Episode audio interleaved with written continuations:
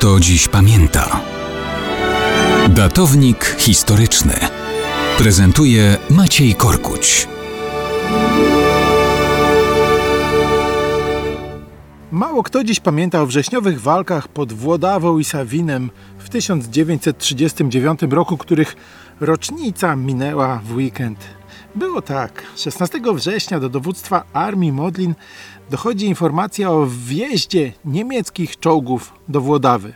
Dowódca 33. Dywizji Piechoty, pułkownik Tadeusz Zieleniewski, otrzymuje rozkaz odbicia miasta. Całonocny marsz polskich żołnierzy, potem odpoczynek i o 15 koncentryczny atak na Niemców od północy i południa Włodawy. Polska piechota ma wsparcie i osłonę artylerii. Niemcy odpowiadają zmasowanym ogniem broni maszynowej ze wzgórza, ale kilka baterii polskich armat kumuluje ostrzał na ich pozycjach i piechota błyskawicznie wypiera stamtąd niemieckie niedobitki już praktycznie. Żołnierze atakujący na Włodawę od południa zajmują ten rejon. Niemcy wtedy kontratakują ze wsparciem czołgów. Nie idzie im łatwo, ale mają przewagę. Pułkownik Zieleniewski już widzi, że trzeba taktycznie się wycofać i oderwać od wroga. Wyznacza rejon koncentracji pod hełmem. Niemcy Idą wtedy za ciosem. Piechota wsparta artylerią i czołgami prze naprzód.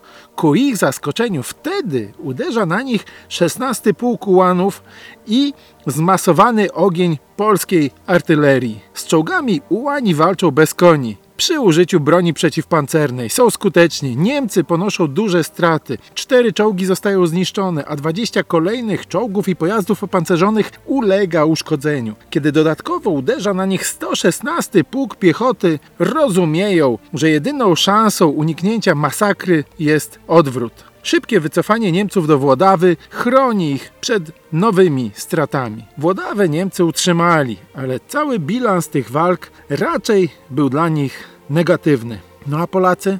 Nawet tak solidne walki nie mogły niestety zmienić sytuacji kraju. Wciąż walczyliśmy z Niemcami, a od 17 września od wschodu już rozwijana była inwazja sowiecka.